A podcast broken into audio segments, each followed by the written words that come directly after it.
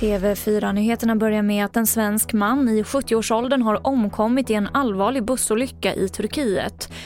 Det var två svenskar och elva danska turister som var ombord på bussen som kraschade på väg till flygplatsen i Antalya under natten till idag. Och sex personer har skadats lindrigt. UD känner till att en svensk man i 70-årsåldern hemmahörande i södra Sverige eh, avled eh, idag den 30 oktober i Turkiet och vi har underrättat de anhöriga. Vi kan då bekräfta också att den, den avlidna omkom i, i den här bussolyckan. Det sa Daniel Johansson Århem på UDs presstjänst. Så till Göteborg där det under flera hastighetskontroller igår kväll och igår eftermiddag drogs in 22 körkort. Polisen riktade in på de som kör minst 31 kilometer i timmen för fort.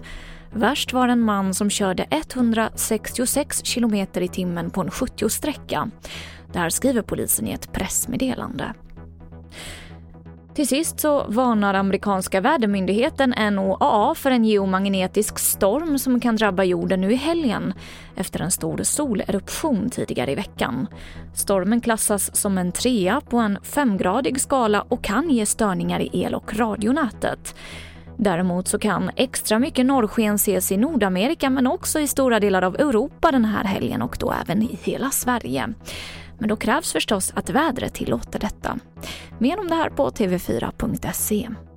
Och fler nyheter hittar du i vår app TV4 Nyheterna. I studion Emily Olsson.